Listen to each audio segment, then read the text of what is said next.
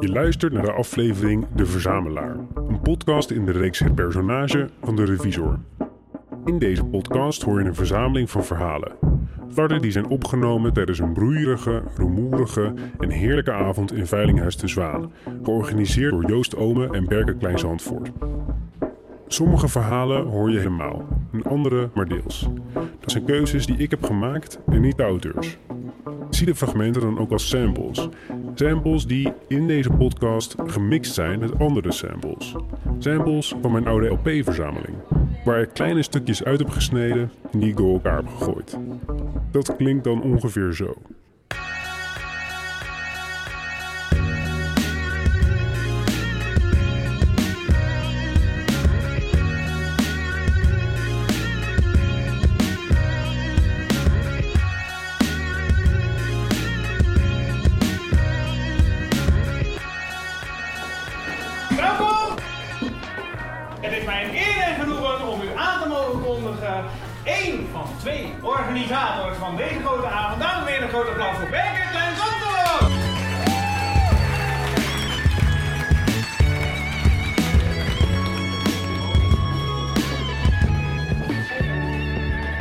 Waar komt de drang vandaan om dingen bij elkaar te zetten, een categorie te maken, die aan te vullen, op jacht te gaan? Hier horen we, als het goed is, vanavond meer over. Chip Bruinje, Fiebeke Massini, Helena Hogekamp, Simone van Saarloos, Roelof ten Napel en Maartje Wortel bieden ons hun blik op de verzamelaar aan. Goedenavond. Bent u er klaar voor? Het is hier heel warm. Let's go. Mij is gevraagd om iets te schrijven over Stefan Simkovic, afgekort Simco. Vandaar dat ik zijn mutsje meebracht, zodat Simco hier ook aanwezig is. Mocht u niet weten wie hij is, dat ga ik nog wel vertellen, maar als u nou denkt, hoe ziet hij eruit? Het mutsje is een lead. U kunt hem volgen op Instagram, dat schijnen heel veel mensen te doen. Ik ben Simone van. Maar ik, ja, ik, ik, ik vereenzelvig me zo met Simco dat ik inmiddels... Nee, ook dat niet. Oké. Simco is een kunsthandelaar die soms zo obsessief inkoopt dat hij een monopoliebezit creëert waarbij hij het werk van één kunstenaar bijna volledig in handen neemt. Kunstenaars en handelaars willen dit niet en sommigen weren Simco. In dat geval stuurt hij een afgezant, iemand verkleed als onschuld, die het kunstwerk vervolgens aan hem doorgeeft. Hij wil een snellere kunstmarkt met minder grote shows en meer kleine exposities. Als Simco jou wilt, biedt hij je tijd en ruimte. Eerst hij huurt een studio voor je en zorgt dat je je over geld geen zorgen hoeft te maken. Eerst produceren, dan komt de verkoop vanzelf. Hij ziet de kunstenaar als een eenmansfabriek die goed gesmeerd moet worden. En dat smeren, dat doet hij dus. Om eerlijk te zijn was ik verbaasd over de verbazing over deze man. Ik had nog nooit van hem gehoord, maar toen ik me in hem ging verdiepen voor vanavond, was het een beetje alsof ik in een zwembad dook gevuld met beton. Deze man is zo transparant dat oppervlakte, oppervlak en diepte niet te scheiden zijn. Transparantie is zijn credo, zijn merk. Simco zegt wat hij wil en wat hij vindt. En als hij jou een slechte kunstenaar vindt, dan zegt hij dat ook, maar dan wil hij wel nog gewoon koffie met je drinken. Dat is zeg maar zijn nonchalance. In de interviews die hij gaf, citeert hij klassieke filosofen. Nou, is het dus niet zo dat ik hem per se vervelend vind of schokkend commercieel. Het is eerder zo dat ik niet begrijpen kan waarom hij wordt neergezet als controversieel. Voor een pionier is hij behoorlijk saai. Houd dat woord, pionier, houd dat even vast. Simco past hier wel in Veilinghuis de Zwaan. Een van zijn favoriete denkers is namelijk Nicholas Taleb, die zich bezighoudt met risicoanalyse. Kort gezegd sluit het precies aan bij Simco's ideaal van vele maar kleine exposities, altijd inzetten op verschillende namen tegelijk om zo geen homogeniteit te creëren. Taleb staat bekend om zijn voorliefde voor zwarte zwanen. Zwarte zwanen zijn verrassende, onverwachte gebeurtenissen die grote impact hebben. En zwarte zwanen zijn niet te plannen. Taleb pleit dan ook voor het toelaten van risico en toeval, waardoor je soms een zwarte zwaan treft. Simco zegt dat hij witte zwanen najaagt. Of misschien bedoelt hij meer dat hij zwarte zwanen, uitzonderlijke gebeurtenissen, wit, oftewel gewoon, wil maken. De manier om dat te doen is volgens Simco zoveel mogelijk connecties maken en zoveel mogelijk interessante mensen ontmoeten. Als voorbeeld van een witte zwaan geeft hij bijvoorbeeld: Het kan zomaar dat je de huisgenoot bent van Mark Zuckerberg. Wit en zwart. Houd die woorden even vast. Het past dus zijn voorliefde voor zwanen en dit veilinghuis De Zwaan. Maar Stefan komt uit Zuid-Afrika. En mijn familie schijnt ooit in de Gouden Bocht van Amsterdam te hebben geheerst, als burgemeesters te hebben gewoond en gehandeld. Die gebeurtenissen zijn met elkaar verbonden. Pionier plus wit en zwart is kolonialisme. En daar staan wij nu te midden van. Simco zelf geeft aanleiding voor dit verhaal. In een filmpje waarin hij vertelt waarom hij een geschikte directeur zou zijn voor het Stedelijk Museum hier in Amsterdam, zegt hij een jaarlijkse show te willen organiseren voor Afrikaanse kunstenaars.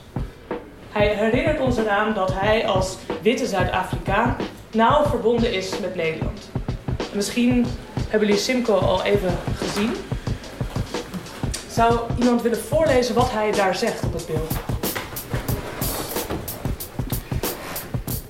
And engage in a lot more work from Africa, which is close to the Dutch and the Dutch colonies.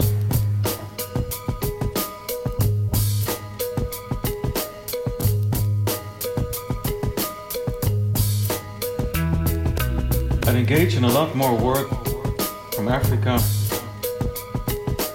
which is close to the Dutch and the Dutch colonies. Houd het vast.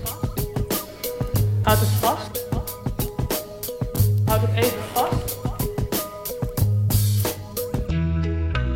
engage in a lot more work Vasthouden. from Africa, Verzamelen. which is close to the Dutch and the Dutch colonies.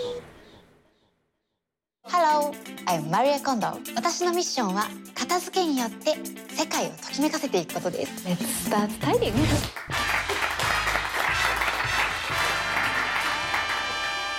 In een smaakvol ingerichte televisiestudio trekt de presentatrice haar rok omlaag over haar benen. Tip nummer 1 bij interviews. Trek kleren aan waarin je elegant kunt zitten. De presentatrice heeft de rok staand gepast en is vergeten op de grond van de paskamer te gaan zitten. En nu zal ze zich het hele interview afvragen hoeveel er van haar knieën te zien is. Heb ik weer. Ze richt zich tot het publiek. Dames en heren, welkom terug. Vandaag mag ik twee bijzondere gasten aan u voorstellen. Mag ik eerst, uh, allereerst een daverend applaus voor Marie Kondo. Marie loopt de studio in. De Japanse opruimgoeroe draagt een lichte zomerjurk en haar wangen glanzen als opgevreven appels. Ze pakt de handen van de presentatrice vast en buigt haar hoofd, draait zich om en buigt naar het publiek. Er klinken gilletjes. De mensen weten wie ze is en laten blijken dat ze haar herkennen. Op een paar passen afstand volgt een vertaalster die een opschrijfblokje vasthoudt. Zij zal het gesprek vertalen omdat de presentatrice geen Japans spreekt. Oh, sorry. Marie Kondo is een opruimgoeroe en schrijfster. Ze schreef vier boeken die miljoenen malen verkocht werden. In 30 landen zijn verschenen. Er zijn 195 landen in de wereld. Haar opruimmethode, beter bekend als de uh, KonMari-methode, bestaat uit verzamelen van alle spullen die je bezit. Uh, deze tegen je hart drukken en bepalen of je positieve energie voelt.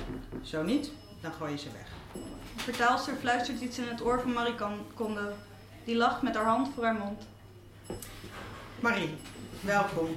Je bent de auteur van bestseller The Life-Changing Magic of Tidying. Kijk, een paar mensen in het publiek houden het boek omhoog. Time Magazine benoemde je tot een van de 100 meest invloedrijke personen. En je bent de ster van een Netflix-show. Waarom houden we zoveel van jou? De meeste mensen hebben moeite met voelen dat ze een keuze hebben. Ze ervaren het leven als iets dat kant en klaar op hen afrolt. Ik bied een uitweg door hen te leren hoe je kiest en loslaat. De vertaalster vertaalt met een Amsterdams accent. Nou, filosofie van Marie spreekt iedereen aan, omdat het eigenlijk niet over het opruimen van je huis gaat, maar over het opruimen van je hart.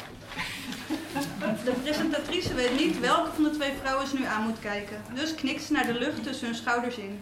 Ze denkt, Mijn hart is een spier, zo groot als twee vuisten. Maar ze heeft van haar baas gehoord dat ze zaken te letterlijk opvat en daardoor de goede dingen des levens misloopt. Dank u wel. Dan wil ik graag uw aandacht vragen voor onze tweede gast. Chief Isaac uh, Wan Nikiao, afkomstig van het eiland Tanna uit de Republiek Vanuatu. In het begin van de Tweede Wereldoorlog ontstond op dit eiland de uh, John uh, Troem-beweging. Oh, yeah. Een religieuze beweging die elementen van het christendom vermengt uh, met verering van goederen uit het Westen. Mijn vader was de eerste die sprak met John Froome. Zijn geest kan de vorm aannemen van een tijger en brengt ons boodschappen.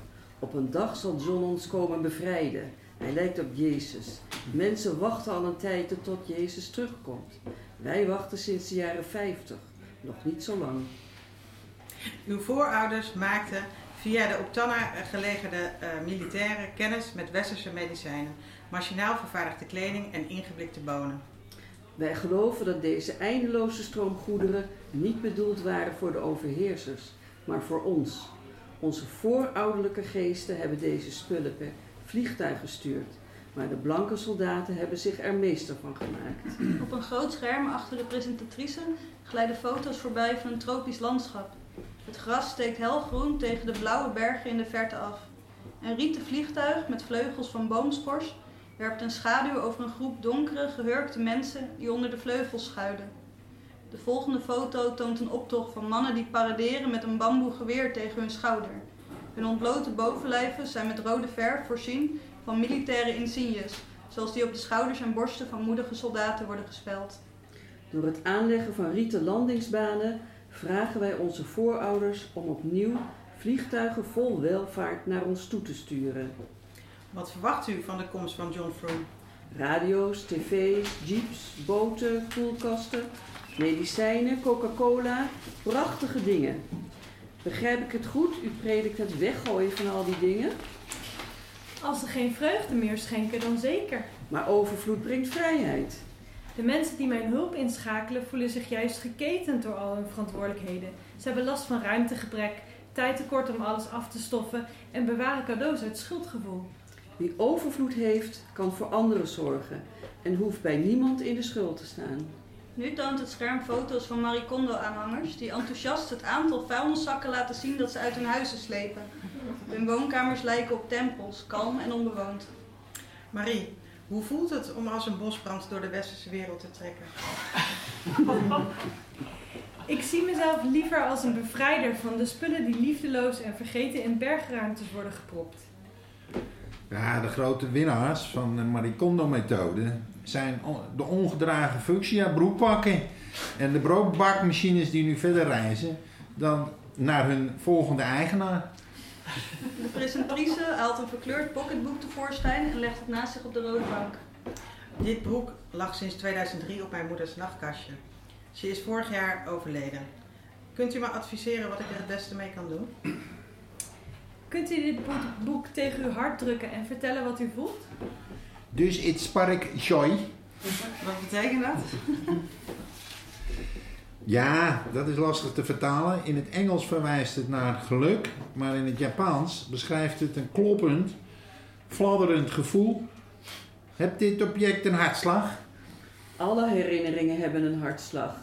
De presentatrice pakt het boek met twee handen vast. Voelt ze een hartslag? Of zijn het haar vingertoppen die floppen van vermoeidheid? Haar gevoelens veranderen vaak, afhankelijk van haar honger of stress en hoe het weer zich gedraagt. Ook haar herinneringen helpen haar niet. Die blijven samenvloeien met de kennis van nu. Ze vraagt zich af hoe ze kritisch kan kijken naar datgene wat haar dagelijks omringt en dat zo vertrouwd voelt als warm water. Ze weet de ogen van het publiek op zich gericht en dat ze zullen applaudisseren, welke keuze ze ook maakt. Dank u wel.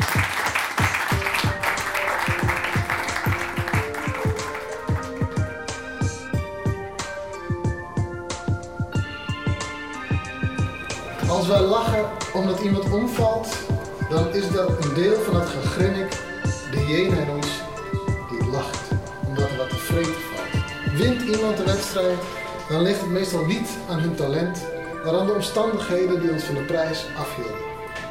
Daarom wagen de meesten van ons zich niet op het dunne ijs van de participatie. wachten we liever in het donker met vuurtjes in de ogen achter de bosjes. Kijk daarom op verschillende momenten om u heen en vraag uzelf af wie u op dat moment bent. Die achter de bosjes of die op het ijs. Bent u die laatste, zet dan als de bliksem de sokken erin. Want wij komen achter u aan. Wij weten u te vinden. Dus het spark joy. joy. Mijn moeder is een hoorder. Ze sleep, ik wacht heel even, want ze zijn, zijn om alles. Dat in, een, in een van die andere groepen zegt dan iemand: Dit is maatje wortel, die gaat iedereen aankondigen. Daarom wordt het even doorheen geklapt. Uh, maar goed. Uh, mijn moeder is een hoorder. Ze sleept alles wat ze kan vinden mee het huis in. Eén keer in de twee weken zetten de bewoners van het dorp spullen aan de kant van de weg die ze niet meer kunnen gebruiken of die stuk zijn. Het zijn gewoon spullen, vaak niet eens bruikbaar of mooi, maar mijn moeder zegt niets gewoon spullen. In haar jeugd is ze samen met haar vader naar Japan afgereisd. Dat was uitzonderlijk in die tijd. Mensen reden met een caravan naar Frankrijk of Terschelling. Niemand vloog naar Japan. Het was in dezelfde periode dat stewards en stewardessen iemand waren, ongeveer gelijk aan popsterren, een uitzonderlijke soort. Mijn moeder zegt stewards en stewardessen zijn nog altijd iemand, maar dat ziet niemand meer omdat we er anders naar zijn gaan kijken. Hoe je kijkt bepaalt wat je ziet en soms bepaalt de tijdsgeest. Zulke uitspraken doet ze altijd. Mijn moeder is het type mens dat heel veel zegt en tegelijkertijd niets. Soms vergelijk ik haar uitspraken met Schreudingers kat. Je weet niet of haar uitspraken levend zijn of dood. Meestal hangt het ergens tussen de absolute waarheid en complete onzin in. Toch blijf ik naar haar luisteren, omdat er altijd een schat tussen haar woorden verborgen kan zitten. Ze zegt: Zo is het ook met spullen. Ze heeft het dan niet over de schat waar ik het over heb, maar over de stewards en stewardessen die tegenwoordig als normale mensen gezien worden. Ze zegt: Dingen kunnen razendsnel hun waarde verliezen en dat is dankzij de armoede van de menselijke geest. Ze zegt: Net als naar mensen moet je goed blijven kijken naar spullen. Alles is iets, soms wordt het zelfs meer. In minder gelooft mijn moeder niet. Dat zie je terug aan het huis dat zij bewoont. Het huis ziet eruit alsof mijn moeder er nog maar net tussen past, eigenlijk niet welkom is. En ook al komt zo iemand als Marie Kondo uit Japan, toch denk ik dat mijn moeder zoveel haar huis insleept, juist dankzij haar bezoek aan dat land. Ze heeft ervoor gekozen om in alles wat er op de wereld bestaat te geloven, aan alle dingen oneindige waarde toe te kennen. Ze zegt: Als je eenmaal begint te kijken door een bril van betekenisloosheid, kan je net zo goed meteen dood, om vervolgens te vragen: Zie je me liever dood, lieverd? Zacht zeg ik dan: Nee, mama, dat niet. Dat natuurlijk niet. Vroeger vertelde mijn moeder me voor het slapen gaan verhalen over Japan. Ze stopte me in bad, waste mijn haar met grote precisie, droogde me heel traag en voorzichtig af. Tijdens dit wasritueel bleef ze zwijgen. Als ik eenmaal met gekamde haren in bed lag, kwam ze naast me liggen. Ze zei: Als je iets groter bent, gaan we naar Japan. Je zult zien dat je zoiets als een meloen voortaan extra zal gaan waarderen. Dat van die meloen ben ik nooit vergeten. Voor mij betekent een meloen nog altijd veel. Waarom een meloen? vroeg ik. Ik noem maar iets aan mijn moeder, maar zoiets als een meloen is veel belangrijker dan je denkt. Meloenen zijn een soort goden in dat land. Ze liggen daar niet zoals hier, wat boven op elkaar in een kist. Ze krijgen de ruimte. Iedere meloen ligt op een lakentje met minstens 50 centimeter ruimte tussen waar het ene stuk fruit ophoudt en het andere begint. Als je meloen op een lakentje ziet liggen, zei mijn moeder, vraag je af waarom je nooit eerder zo goed naar een meloen keek. Waarom je niet eerder besefte dat een meloen inderdaad een parel is. Een goddelijk geschenk, iets dat vrij moet zijn van al het andere.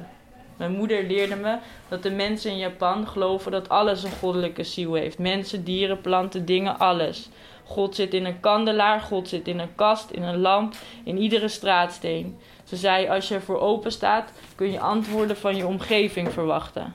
Als ik bij mijn moeder op bezoek kom, denk ik: het antwoord dat zij voor zichzelf gezocht heeft, is dat er in tegenstelling tot de meloenen geen ruimte voor haar is, nog voor mijn vader, die op een dag, zoals zij het zelf zei, niet meer tegen de gekte kon en is vertrokken naar een ander huis in een ander dorp.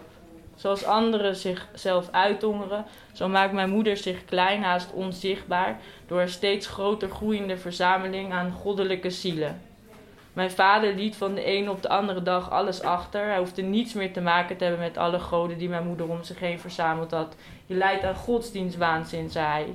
Slechts één object nam hij mee, Dat was een percussiepistool met houtornamenten. Het ding kwam uit 1800 nog wat. Eerder waren er geweren met een vuursteenslot die een seconde bleven hangen als het regende, wat het raakschieten bemoeilijkte. En het regent in Nederland bijna altijd, had mijn vader gezegd. Wil je iemand doodmaken, had ik hem gevraagd. Mijn moeder schreeuwde dat mijn vader alles al dood met zijn blik. Dat hij levende dingen levenloos maakt omdat hij onvoldoende gelooft, vertrouwt en lief heeft. Dat zo'n klote pistool daar niet overheen kan. Maar volgens mij hield mijn vader ziels veel van dat pistool. Hij zei dat hij een boek had gelezen van de schrijver Richard Brautigan en dat het hoofdpersonage een jongetje was dat de naam Lee Mellon droeg. Die jongen had een dollar te besteden. Hij twijfelde of hij een hamburger zou kopen of een kogel. Hij kocht een kogel, loste een schot in de tuin en schoot daardoor per ongeluk zijn buurjongen dood. Door dit voorval raakte Lee Mellon geobsedeerd door hamburgers. Omdat een hamburger hem een tegengesteld leven had kunnen geven. Hem had kunnen redden van wie hij nu geworden was. Iemand die zijn buurjongen heeft doodgeschoten. Mijn vader zei, en daarom hou ik van dit pistooltje. Pistool, zei mijn moeder. Wat? Je zegt pistooltje, het is een pistool. Wat heeft het boek ermee te maken, vroeg ik. Mijn vader zei dat ik te eendimensionaal dacht. Dat boek heeft er helemaal niets mee te maken, zei mijn moeder. Hij vindt het een mooi boek, hij is dol op het pistool. Het boek doet hem aan het pistool denken en andersom. Dus het heeft er toch iets mee te maken, zei mijn vader. En het is een grap dat jij, van alle mensen die kunnen zeggen wat het een met het ander te maken heeft, komt vertellen dat het er niets mee te maken heeft. Het begon, godverdomme, met een, met een meloen. Wat begon met een meloen? vroeg mijn moeder. Jouw geloof, zei hij. Al die zielen die er in dode dingen schuilen, al die verhalen. Je maakt er nu toch zelf ook een verhaal van, zei mijn moeder. Ik vind het een mooi pistooltje, zei mijn vader. Pistool. Mijn vader kreeg het van zijn vader toen hij ging trouwen. Een wapen als huwelijkscadeau, vroeg mijn moeder. En zo ging de discussie nog even door. Van alle dingen waar mijn moeder een heilig geloof in had, zag ze toch het minst in dat pistool. Had dat ding zonder al te veel weerstand door mijn vader mee laten nemen. Maar nu had mijn moeder voor de etalage bij de groenteman gewoon op straat een kist vol meloenen gezien. Opeens overviel de schoonheid van die kist met meloenen haar, omdat ze plotseling snapte dat ze dingen bij elkaar moest zien te brengen. Dat je meloen op een lakentje kunt leggen, maar dat die kist vol meloenen zoveel meer zei. Dat die groep meloenen pas echt iets betekende. Ze was plotseling doodnerveus geworden door de afwezigheid van het pistool, alsof door dat ene pistool in haar verzameling ontbrak, de andere objecten iets van hun waarde waren verloren. Er moet evenwicht zijn, zei ze. Ze zei: haal het pistool van je vader. Ik zei: kan je dat niet zelf doen? Ze zei: je weet dat ik hem nooit meer spreek. Ik zei: een pistool lijkt me een prima begin. Mijn moeder zei, en dat had ik niet verwacht: misschien heb je gelijk. Ik ga het pistool halen. Voor het pistool, voor de overige dingen. Ze zei: ik geloof in dat ding. Ik heb er eerder niet goed genoeg naar gekeken. Ik zei: Mama, is het echt zo belangrijk voor je? Je gelooft in alle dingen. Daarom juist, zei ze. Ze ging op haar fiets naar mijn vader, die 20 kilometer verderop woont. Om er zeker van te zijn dat er niets mis zal gaan, ben ik toen vast hamburgers gaan bakken. Je weet nooit wat het een met het ander te maken heeft, en zeker niet in het geval van een pistool.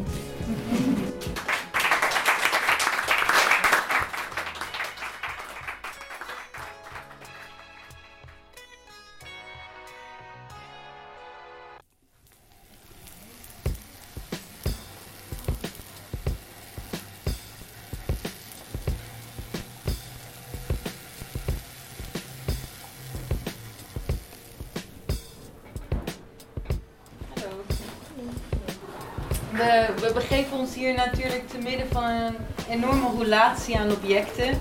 Eh, ob- objecten zo groot dat ze niet meer in de nieuwe woning van de huidige eigenaar passen. Eh, maar de meeste eigenlijk eh, zo klein dat we ze nauwelijks kunnen waarnemen. Kleiner dan 0,06 mm en minder dan een tiende van een menselijke haar. Stofdeeltjes. Flintertjes uit elkaar gevallen materie die overal vandaan kunnen komen. Stofdeeltjes. Oppervlaktes van meubels, schilderijen, tapijten, maar ook bomen, onze huid. En het kan eigenlijk alles zijn, maar het zijn fragmentjes die losgelaten hebben van een eenheid en nu vrijelijk rondbewegen en wachten tot ze ergens anders neer zullen dalen. En eh, ja, je, kan, je trekt een trui uit en je lanceert eigenlijk talrijke hoeveelheden huidschilfers en kleine stukjes textiel. En de samenstelling van binnenstof is sterk afhankelijk van de locatie waar een woning is. Um, waar in de wereld en waar in de tijd, historisch gezien. En we zouden eigenlijk een chroniek van stof kunnen schrijven dat een beetje het midden houdt tussen een archeologisch document en een reisgids. En het poederachtige extract uh, van een omgeving vind je terug op de vensterbank, in de hoeken van de kamers, in de plooien van gordijnen en langs de ruggen van boeken. En stof bestaat eigenlijk uit de schilferige oppervlakte van alles dat een ruimte bewoont. Een tijdje geleden ontmoette ik een oudere vrouw die al jaren in dit veilinghuis op zoek is naar de meest exclusieve soorten stof. Een verzamelaar met een oogje voor uitzonderlijke melanges van microscopische deeltjes die zich ophopen op de te veilen objecten en die zij in haar alsmaar groeiende archief opneemt. Een archief dat zich, hoe kan het ook anders, op een zolder bevindt, uh, in een pandje hier in het, in het gebed zonder end in Amsterdam. En toen ik haar recentelijk bezocht om een kijkje te nemen in haar stofarchief, uh, drukte ze mij op het hart om vooral niet met te veel lucht te praten. Uh, zij, in een soort zakelijk gebaar overhandigde ze mij een zakdoek schone zakdoek. Uh, voor het verschrikkelijke geval dat ik zou moeten hoesten of nog erger, uh, als ik een nies zou voelen aankomen, dan, dan diende ik mij vooral uit uh, de ruimte te verwijderen, zo snel mogelijk. En met een tandenstokertje wees zij mij op de meest schaarse stofsoorten. Sommige staaltjes lagen opgehoopt op een object in de ruimte, terwijl andere keurig in een papiertje gevouwen zaten. Uit een zuurvrije envelop kwam een bijzonder grijs mengseltje tevoorschijn dat nog uit de lakens van Napoleon afkomstig was. Een ander monstertje kwam van een Haags hoekkastje uit 1961 en bevatte de roetdeeltjes uit een fraai automodel vlak voordat deze door Chrysler van de markt gehaald werd. De vrouw was ervan overtuigd dat in hetzelfde mengsel ook de pollen van de postzegelboom in Den Haag aanwezig waren en die had dat jaar uitzonderlijk mooi gebloeid. Daarnaast zouden in datzelfde mengsel de uitwerpselen van een inmiddels uitgestorven kameelhalsvlieg aanwezig zijn. Al was er van het laatste geen bewijs. En toen ik haar vroeg wat er in het gesloten sieradenkistje zat, dat mij, liet zij mij weten dat ze eigenlijk geen enkele interesse had in de banale inhoud van dat kistje.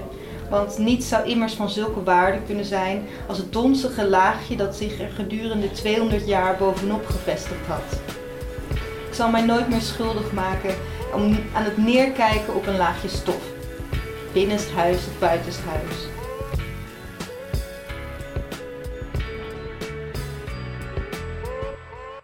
Op mijn kamer, in een rode houten schaal, ligt een schoenlepel ik gebruik hem vaak en begrijp eigenlijk niet waarom de schoenlepel geen alledaagse gebruiksvoorwerp is in de levens van andere mensen. Men gebruikt doorgaans een duim om die verdomde hak iets makkelijker in de eigenlijk nette kleine opening van hun schoen of laars te laten glijden. Schoenlepels zijn, als het erop aankomt, niet van levensbelang. Misschien zelfs een beetje overbodig. Mijn schoenlepel is iets meer dan 100 jaar oud, gekerfd uit de hoorn van een koe. Er zit een lichte scheur in, al voel je daar niks van in het deel dat misschien het handvat genoemd kan worden, hoewel een schoenlepel amper een handvat heeft, staat een jaartal gekrast. Hij is geslepen door een van mijn voorouders, ik geloof van vaderskant en aan vaderskant van vaderskant. De vader van mijn vaders vader, niet van mijn vaders moeder. Hoe meer generaties je teruggaat, hoe troebeler je woorden worden. Je zou kunnen zeggen, zonder er erg ver naast te zitten, dat ik vrijwel niets over het voorwerp weet.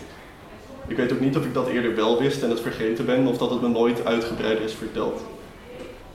Wat ik weet is dat er een man was die één jaar na niet de laatste, maar de vorige eeuwwisseling een koeienhoorn had. Het dier overleden of geslacht, gok ik. Die hij omsleept tot een schoenlepel, misschien als tijdverdrijf. Ik denk dat hij de keuze voor het voorwerp afleidde uit de vorm die het materiaal al had. Ik denk niet dat hij al tijden een schoenlepel wilde en specifiek daarom een koeienhoorn had gezocht. In elk geval bestaat het ding, zijn werk, nu iets meer dan 100 jaar en het ligt ergens in Utrecht.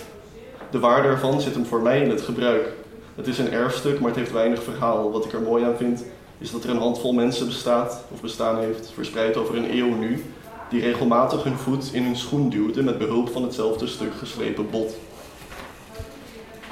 Sinds een paar weken staat er voor de kast met het schaaltje waarin de schoenlepel ligt een bureaustoel. Beter gezegd, staat er een bureaustoel in de weg. Ik ging een dag met een vriendin wat lunchen en nadat we wat hadden gewandeld, ontspoorde dat plan behoorlijk. Flink samengevat stonden we aan het begin van de avond in de IKEA om een tuinstoel voor haar balkon te halen, maar kocht ik in een opwelling een nieuwe stoel voor mijn bureau. Dat was niet helemaal zonder aanleiding. Veel mensen die, als ze langskwamen op die stoel zaten, hebben benadrukt dat hij verschrikkelijk was.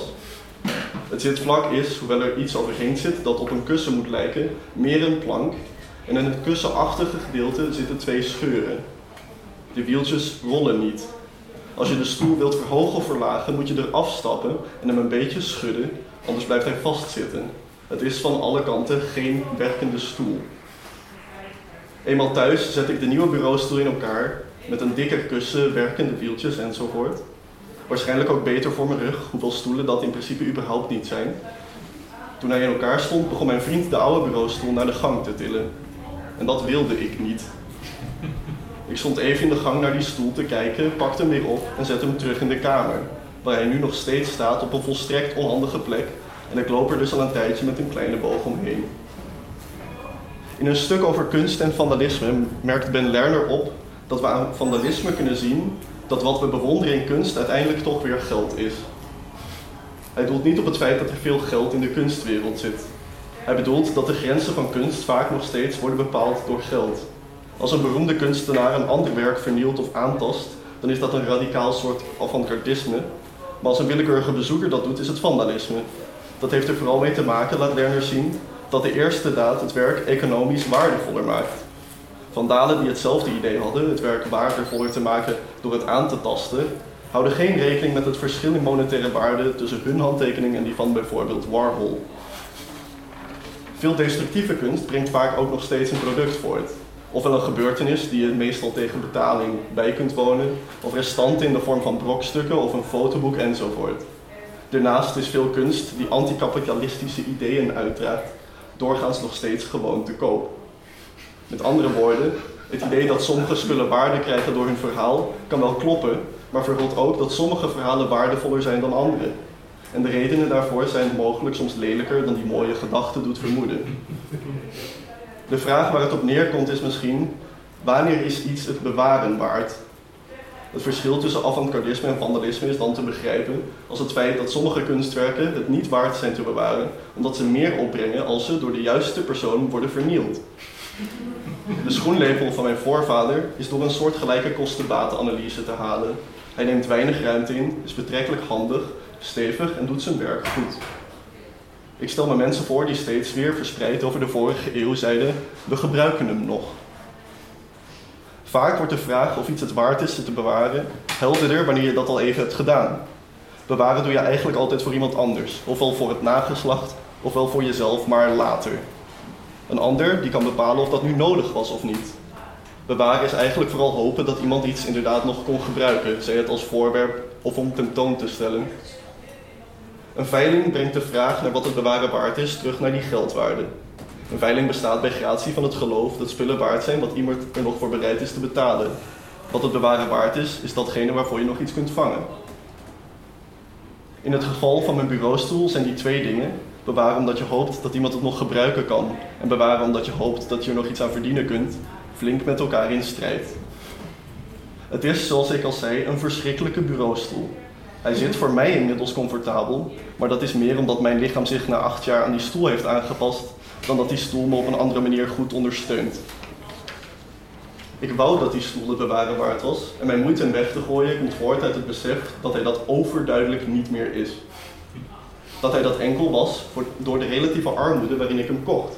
En dat met het verdwijnen van die armoede die stoel voor mij even waardeloos geworden is als hij toen ik hem nog gebruikte voor de meeste mensen al was. En ik heb het gevoel alsof die stoel het niet verdient. In de zomer, voordat ik op kamers ging, heb ik een aantal maanden gewerkt.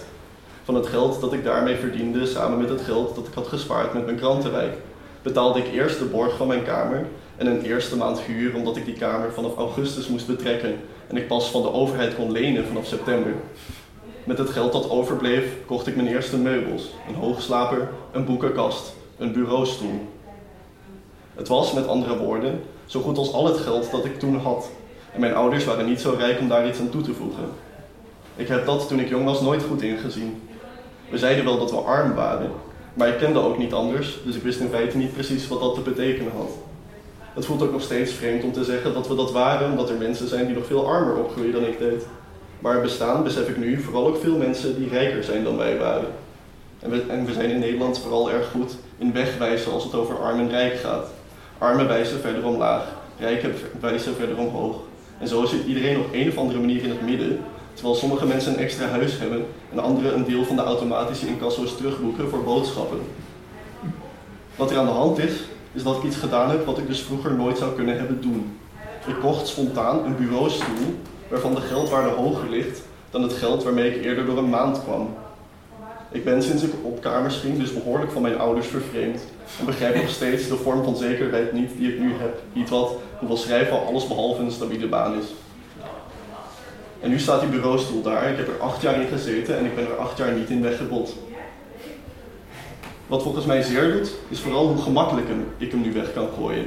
Dat de beste stoel die ik ooit kon aanschaffen door een oprisping overbodig kan worden. Begrijp me niet verkeerd, ik kan niet dagelijks een bureaustoel kopen. Maar een uitgave doen zonder voortdurend te rekenen is me eigenlijk nog steeds vreemd.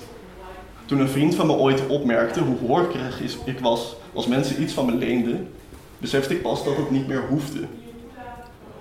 Er is in feite nog een derde reden om iets te bewaren. Of misschien is er geen derde reden, maar het spook van de eerste twee. Ik koester geen enkele waan dat die stoel daar ooit nog iets waard gaat worden in financiële zin. En ik vermoed niet dat er iemand is die hem nog gebruiken kan. Sterker nog, ik zou niemand zo'n gebrekkige stoel willen geven. Maar ik merk bij mezelf tegelijkertijd het gevoel dat ik wou dat dat anders was. Ik wou dat dat ding nog een nut kon dienen. Ik ben de stoel aan het bewaren omdat ik zou willen dat hij het bewaren waard was. Het is het spook van een verlangen. Ik, ik handel alsof hij dat waard is, omdat ik niet helemaal erkennen kan dat dat niet zo is. En ik ben geloof ik ook een beetje, beetje boos. Boos dat er blijkbaar een laag mensen bestaat, niet eens zoveel rijker dan de mensen die wij vroeger waren, voor wie spullen die ik had min of meer waardeloos zijn. En boos dat zulke mensen bedragen spenderen aan mooie spullen uit allerlei windstreken, terwijl bij ons de stress toenam naarmate het eind van de maand naderde. En boos dat ik me in feite schaam omdat ik trots was op die stoel, omdat ik er hard voor had gewerkt en nu geconfronteerd word met het feit dat waar ik hard voor werkte, vanuit het oogpunt van die mensen vooral behoort tot de categorie grof vuil. Ik heb naast die bureaustoel die dag, de nieuwe bureaustoel, ook een nieuwe bureaulamp gekocht. En ik wil eigenlijk dat dat me niets anders doet voelen dan misschien tevredenheid. Begrijp me niet verkeerd, ik ben niet per se tegen inkomensverschillen. Ik ben boos kort gezegd op waar mijn schaamte vandaan komt. En dat die schaamte een manier is waarop armoede zichzelf censureert. Ik zou me niet moeten schamen voor mijn stoel. Mensen of veilingen zouden zich enigszins moeten schamen voor het omhoog tillen van hun nummerbordje. Of hoe veilingen ook maar werken.